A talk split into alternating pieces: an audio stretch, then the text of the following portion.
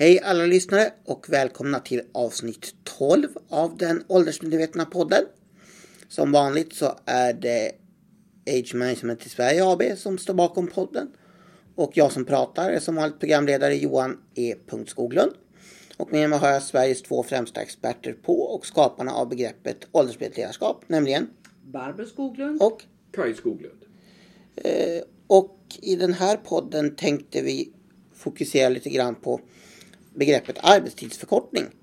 Så som det relaterar sig till åldersmedvetet ledarskap kanske jag ska börja med att lägga en brasklapp. För arbetstidsförkortning är ett väldigt vitt begrepp. Men, och det har ju ofta, eller det har ibland framförts som att det kan vara en metod att få folk att orka jobba längre. Vi glömmer väl alla inte de som menade när det fanns friår, om någon kommer ihåg den reformen, att om man tog ett fri, sabbatsår mitt i livet och gjorde annat, då skulle man orka jobba mycket längre senare i livet. Och därför tänkte vi försöka bena ut lite detta. Så hur är arbetstidsförkortning en, en metod för att få folk att eh, eh stanna längre i arbetslivet? Eh, jag har förstått att Barbro, du vill börja lite. Ja, det är ju eh, som, som allt när det gäller arbetsförmåga och kronologisk ålder, jag vill börja där, så är inte det, är, det är ett komplext eh, fokusområde. Och vi kallar då arbetstidsförkortning för ett fokusområde. Och det är det därför att myten är ju att eh, man eh, är lika beroende på att man ligger i samma kronologiska ålder. Men eh, det vi har fastslagit tidigare i våra poddar så är det så att den grundläggande förutsättningen när man ska diskutera arbetstidsförkortning det är faktiskt den förutsättningen att Kronologisk ålder är för nummer ett inget bra mått på arbetsförmåga. Nummer två, ju äldre kronologisk medarbetargrupp du har, om den är tillräckligt stor, desto olika är arbetsförmåga. Eh, men nu ska vi gå över på lite mer olika så att säga eh, system. Och då tittar jag på eh, min kollega Kai tvärs över bordet och så säger jag 80, 90, 100. Vad säger du då Kai? Ja, 80, 90, 100 har blivit ett begrepp.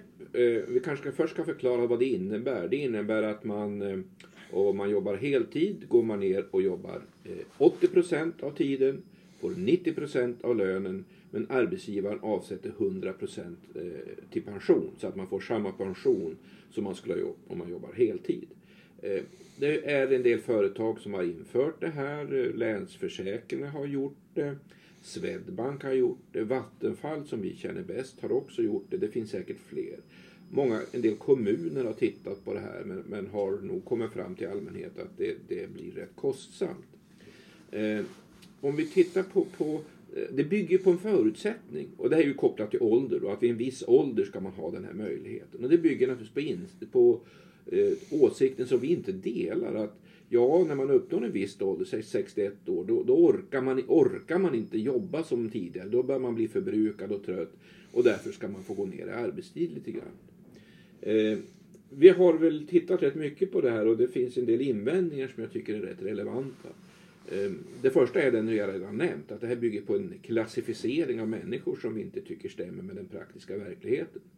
Det andra är, vilka är det som har den här möjligheten? Alltså det, I praktiken är det här någonting som framförallt går att genomföra på högre nivå i organisationen. Det kan vara chefer, det kan vara människor i administration. Medan det är betydligt svårare för de som står ute i verksamheten att kunna utnyttja den här möjligheten. Och därför så blir det, eh, kan man väl säga lite grann, gärna en reform som gynnar de som redan är gynnade i arbetslivet.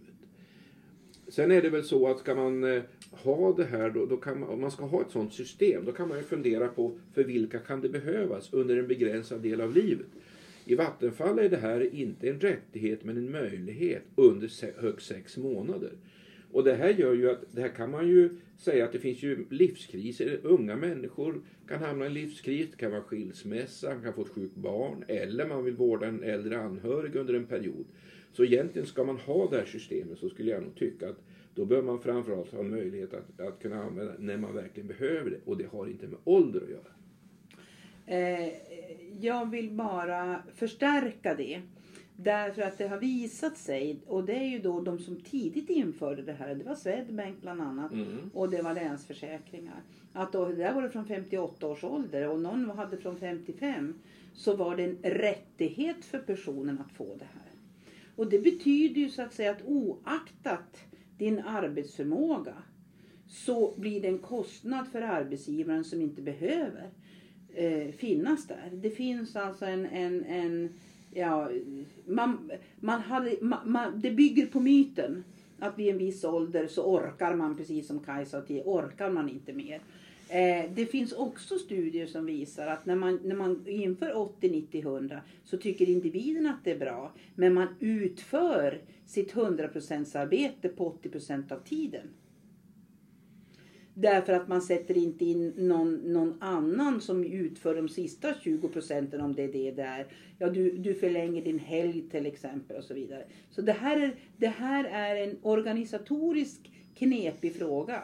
Och jag vill bara också förstärka det, det Kajsa att det handlar om vilka typer av, av uppdrag du har i arbetslivet. Där det, eller det är betydligt enklare på administration att göra det här än, än det är på en första linjeorganisation. Oavsett om det är inom vård, omsorg, eh, tekniska funktioner och så vidare.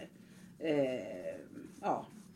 Sen kan man ju säga att vi har ett pensionssystem som eh, skapar förutsättningar och möjligheter för det här för den enskilde. Alltså från 61 års ålder kan man ta ut eh, bara en del av pensionen. Eh, och det är klart att då får ju den enskilde bära kostnaden. men det är ju inte självklart att det är arbetsgivaren som ska stå för fiolen, om man får använda det uttrycket. Eh, överhuvudtaget så är ju inte 40 timmar längre en självklar norm i arbetslivet. Det är ju ganska många som har eh, lägre veckoarbetstid än så. Jo, nej precis. För det kom ju nyligen en undersökning som jag tror det var tidningen Du och jobbet gjort som visar att det just är främst alltså högutbildade män som går i förtida pension. Och det kan ju också vara alltså just det här som du talar om att det är lättare att göra det på chefsnivå än ute på golvet. Och sen ett annat uttryck som också har blivit väldigt populärt på sistone som jag vill föra in i det här. Det är ju det som har talats om nu när vi spelar in det här så pågår avtalsrörelsen. Och det är ju flexpension. Som ju också verkligen är ett modeord som många förknippar kanske med arbetstidsförkortning och så. Så det finns ju inte bara 80, 90, 100 menar jag, utan det finns andra metoder också. Eller? Ja, och det, och det finns metoder att man växlar in, Mm. eh, vad ska jag säga, löneökning mot arbetstidssänkning. Eller mot pensionsavsättning. Eller mot pensionsavsättning. Och, och det här är ju nya företeelser på, i, i avtalsrörelsemarknaden. När vi höll på som bäst med, för, för några år sedan eh, så, så eh, apropå det här med att, att förlänga arbetslivet och 80, 90, 100. Eh, för att man, jag vill, jag vill ta tillbaka egentligen en utav, en utav de faktorerna. När man tittar på vad är det som gör att, att människor vill arbeta längre? Ja, det är dels att man kan bestämma hur mycket och när. Ja. Och det är den här flexibiliteten. Och då, det här är säkert tio år sedan. Det måste vara det. Då vi jobbade åt Vattenfall väldigt mycket. Och det, det, var, det började bli ont om specialistelektriker. Och då hade man ett, ett, man fick gå vid 62 års ålder. Det fanns vissa gamla avtal i Vattenfall att det här funkade. Eh, och då visade det sig ju att ja, men, ja, men fick man gå med, med de här förmånliga pensionsavtalen så tänker man att man inte fortsätta. Så visade det sig att det fanns ju faktiskt de som kanske ville göra det. Och då gick man till andra arbetsgivare som, hade, som, som, som var konkurrenter till det här företaget där vi bodde. på. Då införde vi ett förslag, eller vi kom med ett förslag, eh, Kaj och jag, nämligen option på arbetsförmåga. Det vill säga man kan gå i, sin, i det här fallet då, avtalsenliga pension vid 62 års ålder. Men vill du ut och jobba så vill vi vara först på, på, på bollen för att erbjuda dig arbete. Och det här visade sig kunde fungera väldigt väl. Det vill säga, jag är inte under älgjakten och inte under vårvintern då jag ska åka skoter och fiska. Men däremot på höstkanten. Och däremot på, på delar av sommaren går det alldeles ypperligt. För att det, och det här är då anpassat till den här individens behov eller vilja att arbeta. Eh, och det är den här flexibiliteten som egentligen den, den viktigaste om vi tittar på vad forskningen säger om att få folk att arbeta längre. Eh, för det, tveksamheten kring 80, 90, 100 för min del är precis det Kaj har tagit upp också. Att eh, det, det, det, slår för brett. Du, alltså, du, du använder kronologisk ålder som en, en mm, faktor där man mäter att från och med den åldern så, så blir arbetsförmågan sämre och sämre och sämre. Och det vet vi ju och det vet ni som har lyssnat på oss att det inte är sant. Så, Eh, så därför är det så att man ska vara mer flexibel. Så, om vi, så en sak som jag återkommer till ständigt i den här podden, eller kanske inte riktigt tagit upp, men som vi eller, pratat om så här explicit, men som vi kan göra nu. Det är ju att det verkligen handlar om individualitet. För det det. är ju något, ett ord som både du, både Barbro och Kaj här verkligen pushar på, särskilt när det gäller det här med arbetstidsförkortning, att det är väldigt lätt att, att alltså skjuta med Alltså skjuta med, med breda, med, måla med breda penslar, skjuta med stort ha, hagel. Alltså att alla ska ha samma eh, möjlighet och rättighet. För det finns ju också de som kanske tycker att individuella lösningar är orättvisa. Att alla ska ha, förstår du vad jag menar? Ja. Ja. Eh, det kan, det, det vi, det vi, när vi började titta på det här med 80, 90, 100 och det är alltid det handlar om från 58 års ålder, det var väldigt vanligt då. Det var så att man kan faktiskt behöva när man är 51. Eller 48. Beroende på att jag är i en speciell livssituation. Det viktiga var att det inte var permanent, apropå individbaserat och flexibelt. Det kan vara det här med att en åldrande anhörig som jag behöver besöka varje fredag. Ja, perfekt.